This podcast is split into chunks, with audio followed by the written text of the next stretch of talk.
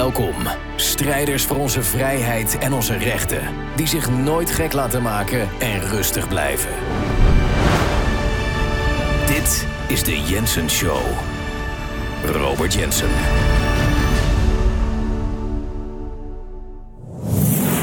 Ik heb het al zo vaak gezegd. Deze omgekeerde waarheidwereld stopt pas en verandert weer in de gewone waarheidwereld. Is als wij allemaal stoppen met meedoen. Alsof uh, als wij allemaal stoppen met het volgen van de gemanipuleerde propaganda. Als genoeg van ons wakker zijn en gewoon zeggen van nee, genoeg is genoeg. En het positieve aan de, ik wil zeggen, de afgelopen zes jaar is geweest. En veel negatieve dingen gebeurd. Voornamelijk de afgelopen twee jaar was natuurlijk afgrijzelijk. Maar het positieve aan de afgelopen zes jaar, en dat geef ik ook heel veel credits aan Donald Trump. Die daadwerkelijk, of je nou voor of tegen die man was. Maar hij heeft daadwerkelijk laten zien hoe corrupt de media is. Hoe de linkse indoctrinatie in de media, hoe groot dat is. Hij is de confrontatie aangegaan. Hij heeft geen oorlogen begonnen. Hij is dus tegen, tegen de military industrial complex ingegaan in de States. Waardoor je ook weer zag wat voor een reactie dat teweeg Dus ik vind zelf dat die man, met uh, hoe controversieel die ook was. Je kan er voor of tegen zijn. Maar hij heeft veel aangetoond. Hij heeft veel mensen laten zien hoe dingen echt in elkaar steken. Inclusief voor mezelf. Als je ziet hoe corrupt die FBI en de CIA is. Ik wist het allemaal wel, maar nooit door dat het zo erg is. Als je ziet de spelletjes die gespeeld werden met het hele Rusland-verhaal. Rusland, Rusland, Rusland, Rusland. En dan weer Oekraïne met een verkeerd telefoongesprek wat Trump had gehad met, met, die, met, die, met, die, met de heilige Zelensky. En nu zie je ook waarom dat zo belangrijk was. Dat Trump, die in het begin van zijn ehm, presidentschap zei... ik wil gewoon een goede relatie met Poetin. En ik zie ook niet waarom we dat niet zouden kunnen hebben. Nu is het zo belangrijk dat hij daarin zo is tegengewerkt en gedemoniseerd. Want dit was natuurlijk uiteindelijk altijd het spel. We moeten weer in een conflict komen met Rusland. Rusland moet weer de vijand zijn. Die gasten houden namelijk nooit op. En dat spel mag niet verbroken worden. En er mag geen verpester zijn van het spel. Maar dit is, de Trump is dat toch echt gelukt om heel veel naar boven te brengen. En waar wij dan mee moeten doen en kunnen doen wat we zien.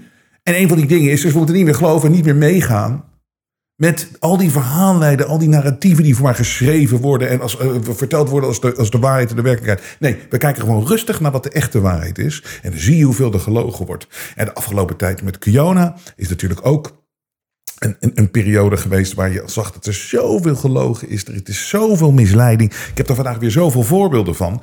Maar het mooie is, er zijn dus helemaal allemaal nieuwe dingen uit ontstaan. En we zien nu ook dat heel veel van die bedrijven die we, waar we wel vertrouwen in hadden. We weten nu ook hoe corrupt ze zijn. De Facebook, de social media's, uh, Twitter. Nou, over later meer even, hè, wat er met Musk wel weer aan de hand is. Het laatste nieuws daarover. Maar ook Spotify. Gewoon zo'n onschuldig Zweeds bedrijf, dacht je. Hè? Maar die ook dus ook gewoon heel. het belangrijkste in deze tijd is. Is je moet niet luisteren naar wat mensen of bedrijven of wat politieke leiders. Je hoeft niet te luisteren naar wat ze zeggen. Je moet alleen maar kijken naar wat ze doen. Het is hartstikke leuk om een mooi verhaal op te hangen. Maar wat doen ze? En dat geldt dus ook voor die grote bedrijven die ons allemaal in de klauwen proberen te krijgen. En al heeft natuurlijk. Die van ons gewoon hersenloze consumenten wil maken meelopers en gecontroleerde meelopers. Hè? Gecontroleerd doen ze alles aan. Ze alles van ons weten. Dat ze ons kunnen sturen. En Spotify was zo'n onschuldig bedrijf. Die deed ook eens muziek. En toen gingen ze ook gingen ze groot in podcasts. Op een gegeven moment kochten ze dat bedrijf Anchor. Wat een, uh, toen de tijd de grootste podcast uh, verzamelaar was um, in de wereld. En het was allemaal, nee joh, doe je podcast. Iedereen kan zijn eigen podcast. Iedereen zijn eigen mening. Ach, het is allemaal vrijheid van meningsuiting is het allerbelangrijkste. Dat zeiden ze. Nou, toen werden ze groter en groter en groter en groter. En toen begon natuurlijk al met de Kiona. Oh, dat mag niks maar nee, wat die klopt over Kiona, weet je Ondanks het feit dat je het kan onderbouwen. Je kan het inhoudelijk, kan je het bewijzen. En je doet het allemaal echt zo rationeel mogelijk. Nee, mag niet. Mag niet. Dat mag niet. De waarheid mag niet daarboven komen. En dan gaan ze gewoon censureren. Terwijl ze wel tegelijkertijd zeggen. Nee, maar goed, vrijheid van meningsuiting is heel belangrijk bij ons hier bij Spotify. Die twee, het maakt me niet uit dat je het zegt. Ik luister er niet eens meer naar. Want wat doe je? Nou, we hebben dus gezien dat wij er vanaf gehaald zijn. Maar wat is het dan weer een mooie tijd dat we dit kunnen doen? Dat we hier in de vrije media, uh, dat ik op mijn eigen site zoveel mensen kan bereiken. Compleet onafhankelijk. Ik heb mijn eigen servers. Ook de podcast, de audiopodcast hebben we namelijk over als, als we het over Spotify hebben. Die staat nu gewoon op de homepage, ook onder de videospeler. En sowieso, als je je aanmeldt met je e-mailadres, krijg je altijd een notification als er een nieuwe show er staat. Daar staat het ook gewoon de, de audiopodcast. Dus we gaan gewoon door. En ik zie gewoon dat mensen vinden ons. En um, de, de luisteraars van de podcast, en die, kijken, die luisteren nu gewoon op de site. Voor, de meeste mensen deden dat al. Maar het gedeelte van Spotify, dat komt allemaal wel weer over. Je krijgt ons er niet onder. Je krijgt ons allemaal er niet onder. Als we elkaar inderdaad maar blijven steunen. En als we door blijven gaan en door blijven vechten. Wat is vrijheid toch een fantastisch en geweldig iets. En dat is ook iets wat we natuurlijk de afgelopen twee jaar uh, ons nog meer moeten realiseren. Dat het belangrijk is om het te hebben, te eisen en ook voor te vechten. Als mensen van ons proberen af te nemen. Want dat proberen ze nog de hele dag.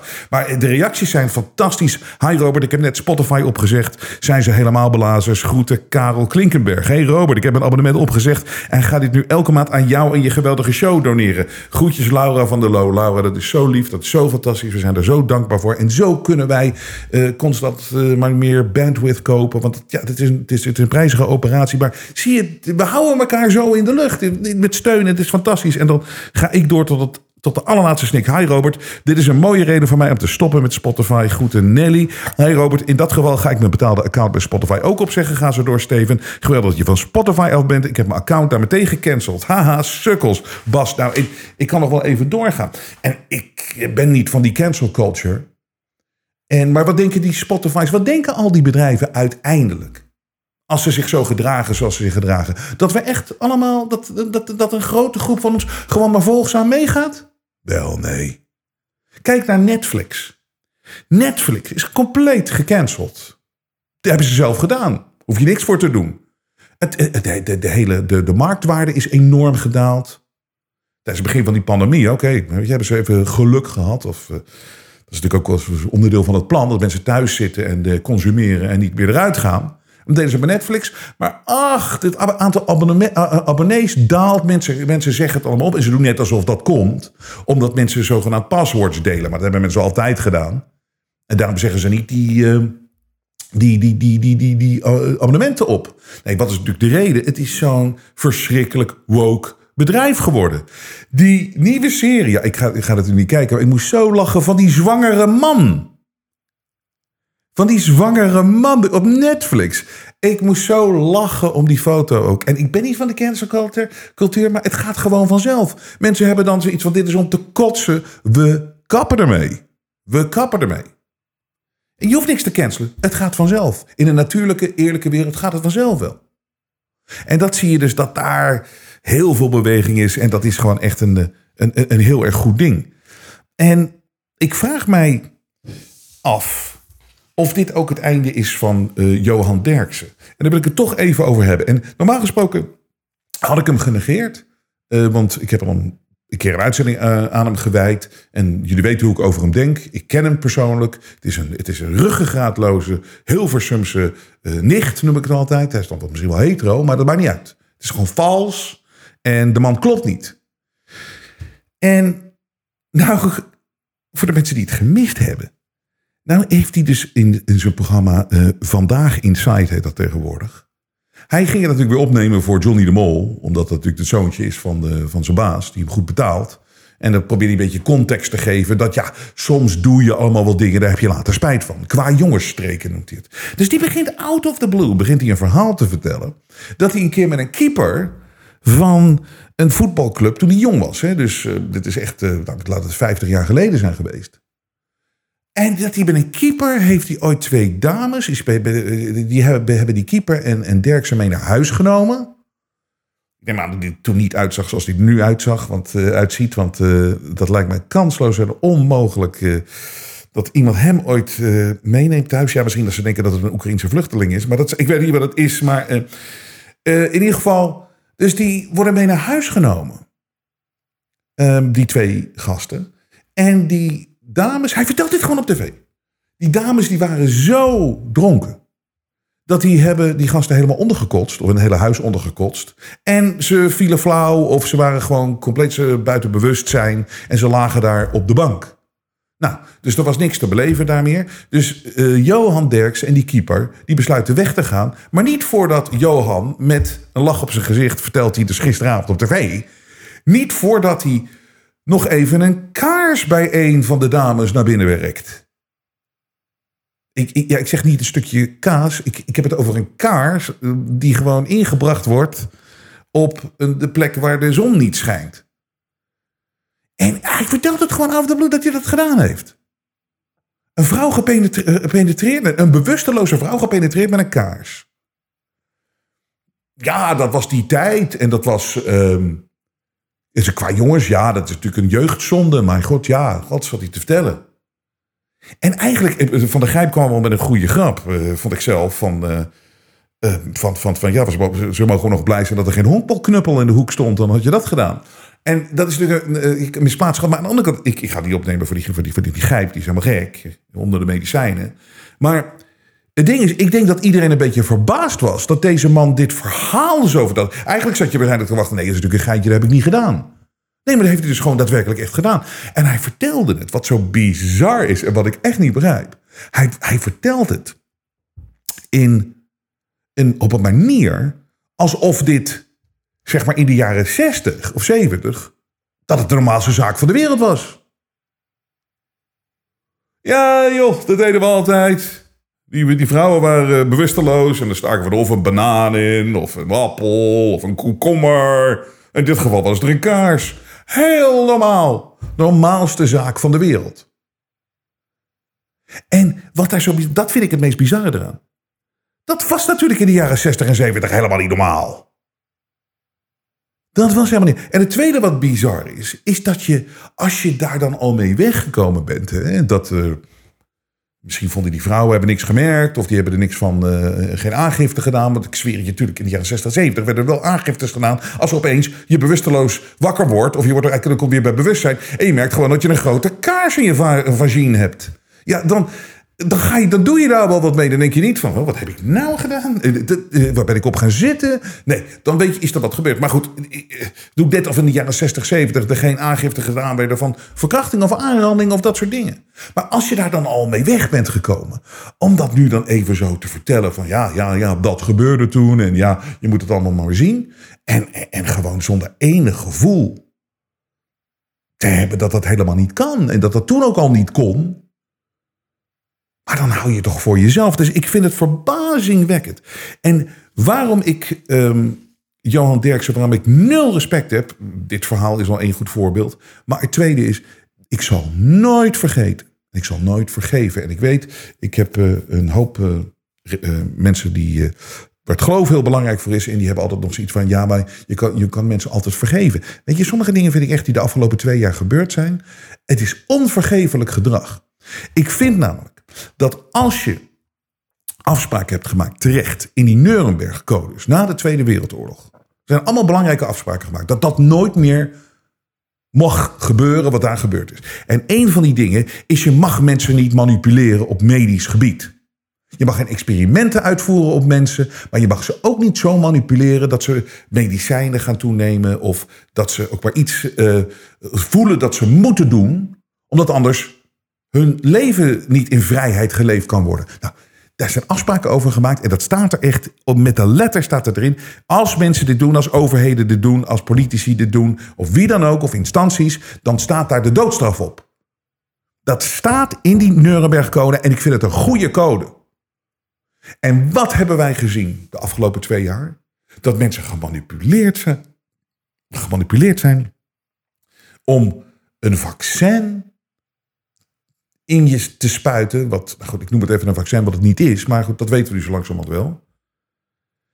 Terwijl dat compleet onnodig is als je kijkt gewoon rustig naar de statistieken. En dat, ik, ik, ik kan het weer van voren aan vertellen, maar de herhaling is belangrijk. Dit was geen gevaarlijk virus voor mensen onder de 75. En zeker niet jongeren. En iedereen is gemanipuleerd. Uh, je kon dit niet meer doen, je kon dat niet meer doen. Sommige mensen konden hun baan niet meer doen je moest dat vaccin nemen. En dat is compleet onterecht. En het gaat tegen de Nuremberg-code in. Dus als mensen het hebben over een tribunaal. Het is natuurlijk belangrijk dat dit ooit eens een keer um, goed geadresseerd gaat worden. En er hoeft niemand zich voor te schamen. Er hoeft niemand zich voor bang te zijn om uit te spreken over een tribunaal omdat die afspraken staan in de Nuremberg-code en die zijn goed. En ik vergeef nooit mensen die mensen op um, die manier onder druk gezet hebben om iets te doen, lichamelijk.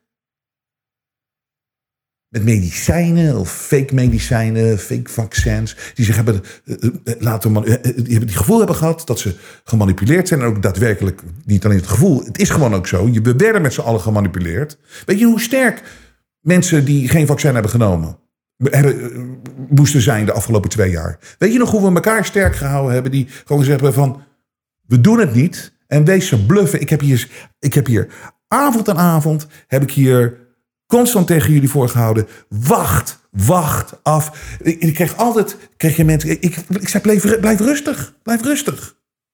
Het was altijd namelijk van, ja, maar straks kan ik dit niet meer. Ik zeg, wacht nou af. Ik zeg dat ze allemaal bluffen. En uiteindelijk de mensen die hun rug recht gehouden hebben, of die het konden doen. Ik, ik weet ook dat heel veel mensen hebben er één genomen en daarna gezegd nooit meer. En sowieso, dat is, dat is de, ben je, zijn jullie dat met me eens? Ook, dat is ook vooruitgang. Heel veel mensen, en echt wel de meerderheid, zegt van nee, als er nu weer iets komt, ik ga het nooit meer doen. Nou, dat is progressie. En we weten dat die vaccins al schade aangericht hebben. Laten we hopen dat het meevalt. Hoop kunnen we altijd hebben. Maar dat ze dit hebben gedaan en mensen die een sfeer gecreëerd hebben dat mensen die het vaccin niet wilden, dat die uitgesloten moesten worden van de maatschappij, of dat het foute gasten zijn, of asociaal. Of... Kijk nou, we zijn nu dus twee jaar verder.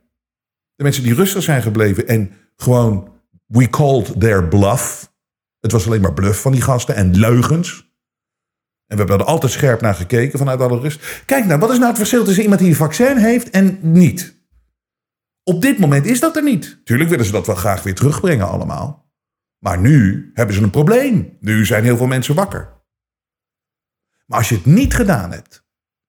En als je het gewoon maar al dat, dat, dat, dat, dat, dat, dat gemanipuleer en het gedemoniseer over je heen hebt laten komen. En dat het wel vervelend voelde, maar dat je zoiets had van. Ik ga niet door de knieën. Kijk naar waar we nu staan. Kijk waar wij nu staan. En mensen die zich allemaal hebben laten manipuleren in die situatie, want dat zijn er veel, die hebben natuurlijk spijt, maar die zullen het nooit meer doen. En die, die, die, die hebben geleerd van deze situatie. Maar wie vergeef ik dus nooit? Ook die mensen in de media die hier meegedaan hebben aan het manipuleren en het uh, demoniseren van mensen die hier gewoon wakker over zijn en die zagen wat hier echt gebeurd was. En Derksen is een van de ergste geweest. Hugo de Jonge en Johan Derksen zijn het eens. Geen begrip voor ongevaccineerden. Johan Dirksen, ongevaccineerden staan over een half jaar volledig buiten de maatschappij. Ha ha ha ha. Sukkel. Johan Derksen sneert naar ongevaccineerde Frans Bauer. Ik ga niet bij jou zitten. Johan Derksen over positief geteste Weghorst. Nooit meer selecteren voor Oranje. Johan Derksen wil een vaccinatieplicht, maar Snijder wil geen prik. Waarom wel? Derksen, vaccinatieweigeraars zijn de oorzaak van die vaccinatiepas. Johan Derksen. Een verschrikkelijke man. Een vreselijke man. Vreselijke man. Walgelijk wil ik bijna gebruiken. Walgelijk. Voor één keer ga ik mee met de walgelijk brigade. Walgelijke man. Deze ook vaccinatieweigeraars zijn de oorzaak van die vaccinatiepas. En dan alsof, alsof het vaccin ook geholpen heeft of werkt. Nul bewijs voor. Kamala Harris, de vicepresident van Amerika zogenaamd, die is vier keer geprikt. Zogenaamd. Maar vier keer geprikt. Publiekelijk vier keer geprikt. En nou heeft ze weer, heeft ze weer Kiana. Quadruple vaxxed Kamala Harris catches COVID. Vier keer is dat, dames en heren. Vier keer geprikt en heeft ze het. Dus die Derks heeft in mij, en ik wil even een fragment nog één keer laten horen, hoe erg deze man is. En moet je nagaan, deze man die dus gewoon lachend vertelt dat hij kaarsen in vrouwen heeft gestoken.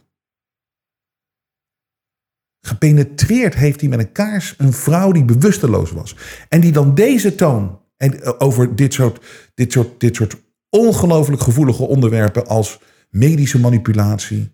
En gewoon, het, het is zo het recht van ieder mens om te doen met je eigen lichaam wat je wil. En die er zo mee omgaat, deze fantastische man die op zo'n morele hoge bergtop staat. Luister nog eens naar wat deze man zei. En dit was dus naar aanleiding van die weghorst die uh, weigerde geprikt te worden. En dat is heel knap en heel goed dat hij zich staande heeft gehouden. Daar heb ik heel veel respect voor. Wout Weghorst, wat wil nou je? je hebt nu corona. Je mag dat niet zeggen, maar je gaat het wel doen. Eigen schuld, dikke bult. Hij heeft met zijn grote waffel steeds geroepen: ik laat me niet inenten. Dan had ik als trainer gezegd: dan speel je niet. Je komt in de kleedkamer. Uh, je trekt met de jongens op. Ik had als vergaal zijnde me ook niet geselecteerd. Want uh, hij kan gewoon grote sterren van buitenlandse clubs... die, uh, die spelers dikke salarissen betalen... kan hij met zijn gedrag aansteken. En... Wat is dat voor een gelul? Weet je hoe dom... Het is een hele domme, bange, oude viespeuk... kunnen we nu ook zeggen... die daadwerkelijk dacht dat je Kiana zo makkelijk kan. Het zal toch wel zijn, hij is ongevaccineerd, hij heeft de prik niet. En dan kan hij Messi aansteken. Het kinderlijke ervan, maar ook gewoon de propaganda. Ik, we noemden het toch toen ook de propagandasnor. De propagandasnor. Maar het wordt nog erger en het wordt nog lachwekkender, wetende wat we nu weten al dat geneuzel over persoonlijke vrijheid, dat vind ik leuk en wel. Maar je hebt ook een morele verantwoordelijkheid tegen je medemens. Morele verantwoordelijkheid tegenover je medemens. Zegt de man, ik herhaal het nog een keer, die bewusteloze vrouwen verkracht met een kaars. En die zit daar te praten over de morele verplichting die je tegen de, tegenover de medemens hebt. Hij zit daar te lachen gisteravond wat hij gedaan heeft. Dit is een allesbehalve een morele man. Dit is een corrupte man. Dit is een foute, foute gast die ook in de Tweede Wereldoorlog fout was geweest. Want die waait met alle winden mee. Johan Derksen is een van de ergste Nederlanders. En iedereen die dit gedaan heeft. Ik sta achter die Nuremberg-code. Dat klopt. Die is, dat is zo goed dat dat is afgesproken. Want de nazi's deden dat. Die deden met manipulatie en die deden experimenten op mensen. Je lichamelijke keuze en vrijheid, die is, dat is afgedwongen. Dat is gewoon een, op alle manieren is dat van de mens zelf. En dan zo'n verkrachter want dat kan hij nu gewoon genoemd worden. Hij komt er vooruit. We hebben een kaars gestoken en gepenetreerd, een vrouw gepenetreerd met een kaars. Dan heb je gewoon iemand aangerand. Nou ja, oké, okay, als je het zelf zegt, mogen we het herhalen. En die praat over de morele verplichting van medemens om iets in te laten spuiten wat overduidelijk onnodig is. Wat overduidelijk voortkomt uit een ander groter plan. Want als je kijkt naar de statistieken, de feiten, joh, ik, ik, leg het iedere rechtbank uit. Ik leg het iedere executive bij Spotify uit. Met feiten en al. En het enige wat ze zullen moeten concluderen zeggen van ja, je hebt gelijk. Ik haal iedereen erbij. Robert Malone, de uitvinder van het mRNA-vaccin. Eh, of de techniek. Ik haal de oud-topman van Pfizer erbij. Ik haal iedereen erbij. De feiten, de feiten, de feiten, de feiten, de feiten, de nummers, de officiële cijfers. Klokkenluiders. Het hele verhaal is zo klaar als een klontje. Dit klopt de afgelopen twee jaar voor geen meter. En de aanslag op onze vrijheden is gigantisch, maar onze, ook de lichamelijke vrijheden. En daar hebben mensen in de media, die daadwerkelijk daar een positie hebben. Die hebben hier aan meegewerkt. En Derks heeft dat gedaan. Laten we nog, hij gaat namelijk nog verder. En al die mensen die klagen over een prik... en dat ze dan niet naar de Schouwburg mogen en niet naar het café...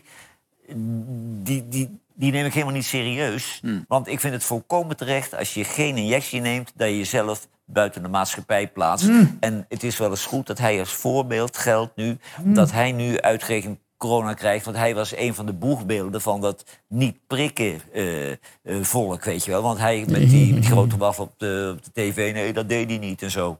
Nou, we hebben het gezien. Je kan wel naar de Schouwburg, moet je een verstaafje in je neus ja, maar ja, dat vinden ze ook weer een probleem, weet je wel. Want ze vinden dat ze dan plotseling in een dictatuur wonen... terwijl ze niet weten wat een dictatuur is. Nou, en hij weet dat wel, die Derksen.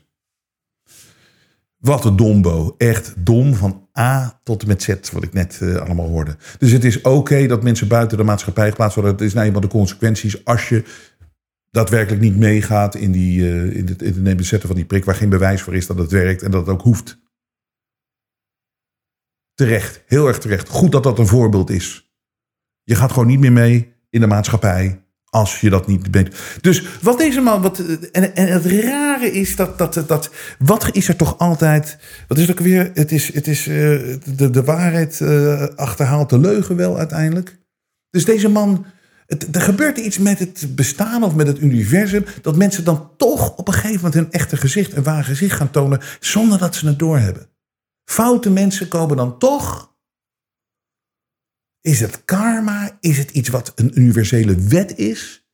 En gisteravond toont hij zijn ware gezicht.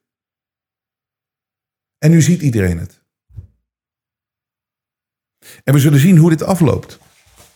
Maar ik vergeef en vergeet dit soort mensen nooit.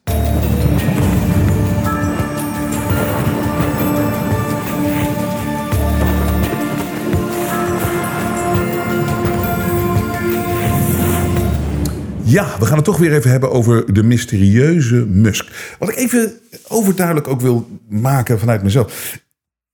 Je weet, ik ben de afgelopen tijd kritisch geweest op Musk omdat ik niet begrijp, ik ga het niet herhalen, want je, als je de aflevering van afgelopen maandag hebt, hebt gevolgd, dan heb ik uitgelegd dat hij zit in drie businesses. Hij is ook een, eh, een transhumanist, een voorstander daarvan. Hè, dat wij mensen meer naar de computer toe gaan en uh, dat er een nieuwe mens komt. En hij heeft drie businesses die allebei, alle drie, tegen de mensen ingaan en tegen de waarheid ingaan. Zoals de Tesla met het climate change. Dat is bullshit, dat is een hoax. We hebben die satellieten die de lucht inschiet. Want al onze vrijheden zal weghalen, want we worden constant bespioneerd. En dan heb je natuurlijk ook die hele dingen met, die, met, met, met, met het chippen van je, van, van, je, van je brain. Die, die chips inbrengen in een menselijk lichaam. Wat natuurlijk gewoon echt daadwerkelijk, daadwerkelijk zo onmenselijk is. En ze willen dat op grote schaal doen. Dat, dat gaat helemaal in die lijn mee met Klaus Schwab die dat zei. Dat we, over, dat we in 2026 moeten we zo langzamerhand moet, uh, moeten mensen wel uh, aan die chips gaan. En, Musk heeft het ook gezegd. Het komt eraan de komende drie, vier jaar. Dat Neuralink waar die in zit. Ik vind het allemaal zo onmenselijk. Dus als iemand zich dan opeens gaat inzetten voor de vrijheid van meningsuiting, dan. Wat ik dus, nogmaals, ik herhaal mezelf. Het maakt me niet uit wat die man zegt. Ik wil kijken wat die man doet. En het is niet dat ik per se erop tegen ben. En dat ik, dat ik, dat, dat, ik hoop dat het klopt. Dat hij er zo in zit en dat hij er zo voor gaat. Maar we zullen het zien. Ik heb daar nu nog geen mening over. Behalve dat, als ik kijk naar zijn businesses, ben ik sceptisch. Zijn businesses, dat, dat, dat is gebaseerd op leugens. En een manipulatie weer. En ze vertellen je de waarheid niet. Ja, en misschien denkt hij, ik bedoel, je kan iemand zeggen vandaag op de redactie, zei dat tegen mij. Die zegt van ja, ja, misschien kan het zijn dat hij in al die businesses zit, omdat hij weet dat de globalisten ook die techniek uh, ontwikkelen en, er, willen gaan gebruiken. En dat hij mensen tegen kan beschermen, omdat hij de grootste daarin wordt. Ik zeg, het klinkt zo mooi, het klinkt te mooi voor woorden, maar ik hoop het. Maar laten we eerst maar eens eventjes kijken.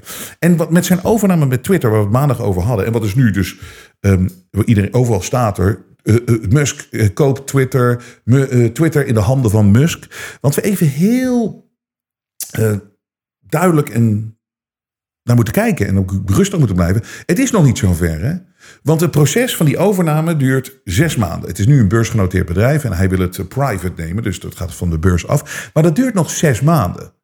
En in die tijd van zes maanden kan er nog heel, heel erg veel gebeuren. Dus we moeten nog maar zien of het um, of het gaat gebeuren, dat werk. Het is, het is, het is, je kan het beste zien als een intentieverklaring van dat het gaat gebeuren en dat ze het willen doen.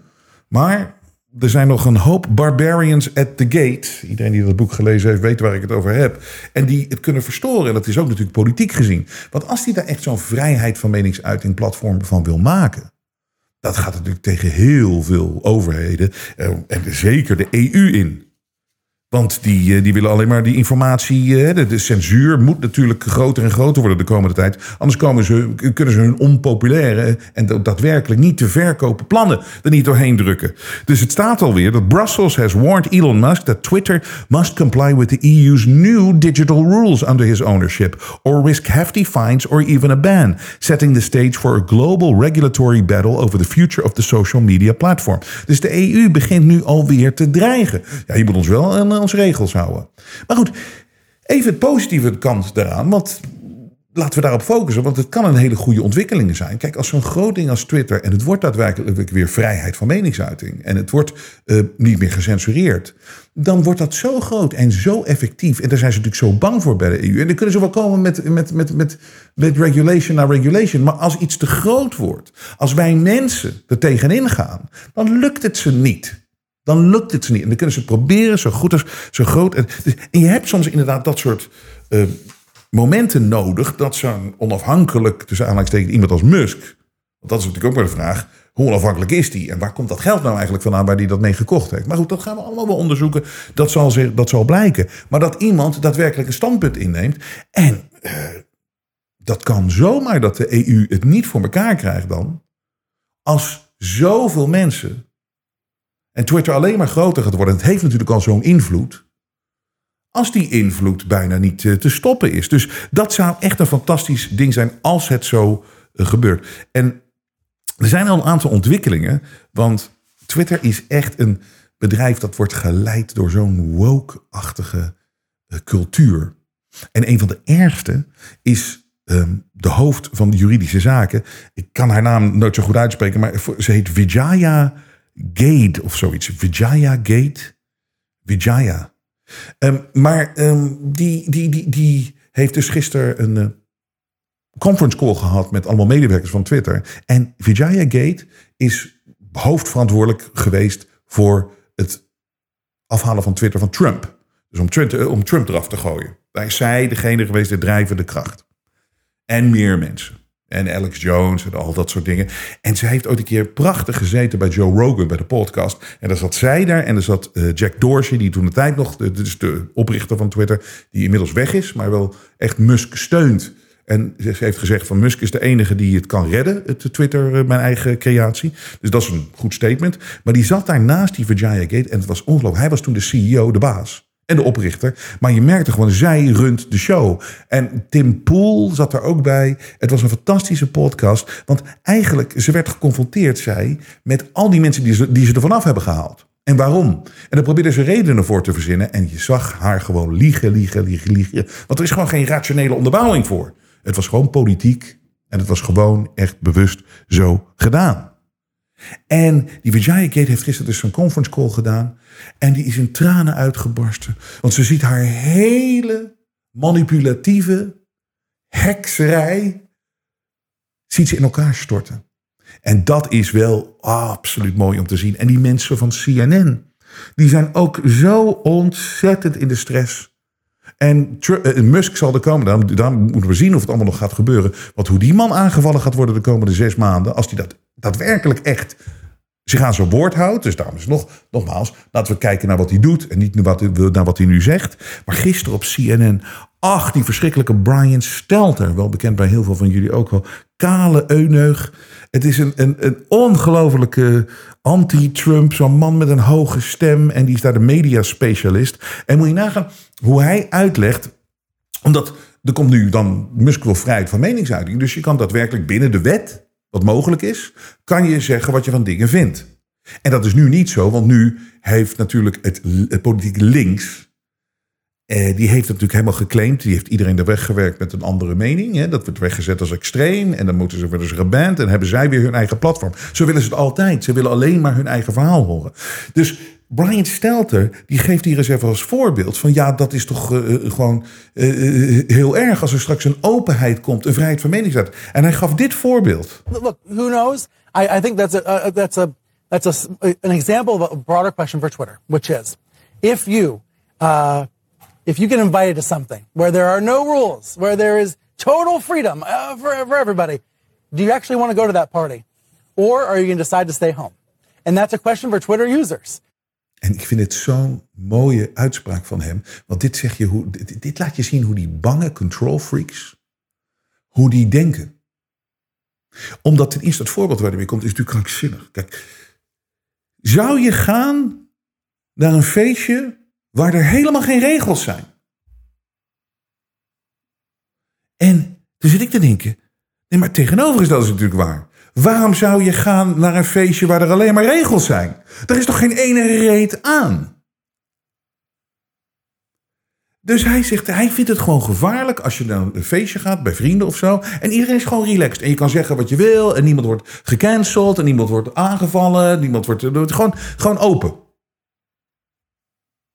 Daar zijn ze zo bang voor. Zij vinden een democratie dat er alleen maar informatie is en alleen maar nieuws en alleen maar spin die hun uitkomt en waar zij achter staan. En alles wat daar tegenin gaat is antidemocratisch. Deze mensen zijn gek en daarom is deze overname van dus, dus wat, waar het op lijkt of waar het misschien naartoe gaat, is wel de, de afgelopen dagen prachtig. Al die woke mensen die hun Twitter profiel verwijderen. Maar waar gaan ze naartoe? Maar ze hebben gewoon hun, hun, hun, hun feestje met al hun regels, met al hun mensen. Die hebben ze nu al verloren. En dit is ook een goede ontwikkeling en een fantastisch idee van Josh Hawley. Dat is een senator uit eh, Missouri. En die zegt: Here's an idea for Elon Musk. Open the books on who Twitter has shadowbanned, who Twitter has suspended, who they've throttled, and who was responsible for the egregious censorship of the Hunter Biden laptop reporting. Make it all public. Dus inderdaad, kom nou maar eens. Straks heeft hij al die informatie. Zeg nou maar eens wie geshadowband zijn allemaal. Want het gebeurt ook in Nederland, hè? En het rare is dat je ziet al een kleine verandering. Ik merk dat zelf ook. Ik heb het gewoon maar eens geprobeerd weer, zo dat Twitter. Een paar tweets eruit gegooid. En ik zie opeens meer volgers, meer activiteit. Want ik ben ook bezig van de ene, zeker na de, na de Trump of de, de, de Biden-verkiezing. Ik ben 15.000 volgers kwijtgeraakt of zo. Er zijn zoveel accounts natuurlijk weggehaald. Maar je merkte ook, er was minder actie, er was minder energie. En opeens, het een paar dagen, merk je, hé, hey, het is meer. Je krijgt veel meer volgers erbij, er is iets. En dat zegt Donald Trump Jr. ook, en die heeft hier het bewijs ervan. Die zegt, uh, while I'm awesome, awesome and totally deserving of uh, eh, 87.000 nieuwe volgers. Dus ik, hij zegt voor de gein, ja, ik, ben het, ik weet, ik ben uh, fantastisch, ik verdien het ook. Maar hij heeft 87.000 nieuwe volgers in een dag erbij. En hij zegt, kijk naar ik daarvoor. Toen zat ik al tijden op maar 3000 erbij per dag. Of een keer 9000, dan 4000. En nu opeens in een dag 87.000. In één dag. En hij zegt, it, it looks like someone took the shackles off my account.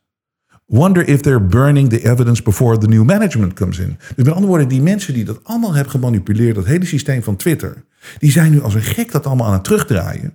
Dus iedereen die geshadowband is, hè, dat je gewoon, je berichten komen er niet doorheen, volgers verdwijnen, uh, accounts worden weggehaald, je, mensen moeten zich opnieuw aanmelden. Weet je, het is echt allemaal dat soort dingen wat ze, wat, wat ze doen met tegenstanders, politieke tegenstanders, hebben ze gedaan. Ze zijn dat allemaal aan het terugdraaien, want ze willen daar nooit op betrapt worden.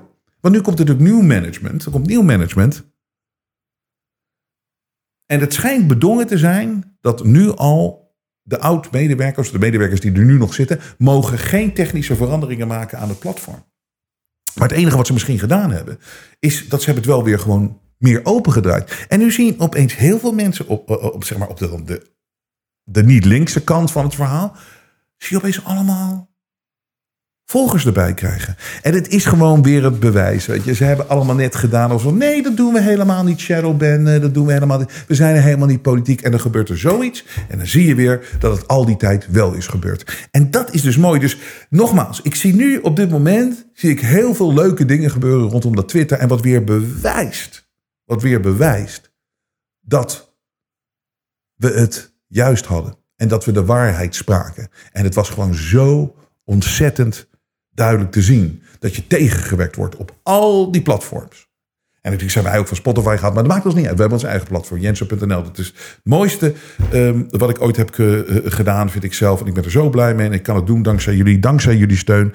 Dus dat is fantastisch. Maar het is iedere keer zien we, wij hebben weer gelijk gehad. Er werd geshadowband. Uh, je, mensen werden gewoon tegengewerkt. En we krijgen ook gelijk als het gaat om al die mensen die zich zo hebben uitgesproken tegen mensen die gewoon met niet eens antivaxers zijn, maar met gezond verstand in het vaccinverhaal staan en stonden en die hun rugrecht, gehouden, uh, rug, rugrecht hebben gehouden. We zien dat al die mensen die daar zo keihard in zijn gegaan en die, die, die mensen gedemoniseerd hebben, die vallen nu allemaal door de band. Dat zie je aan Derksen. Iedere keer is het overduidelijk. Dat ze proberen die waarheid te manipuleren en ze lijken er iedere keer mee weg te komen. En dan vlak voor de eindstreep komt de waarheid weer terug.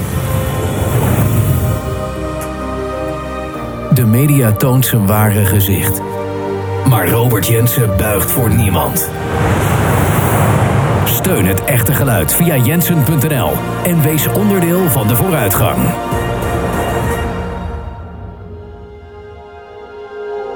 Het vrije geluid laat zich niet censureren.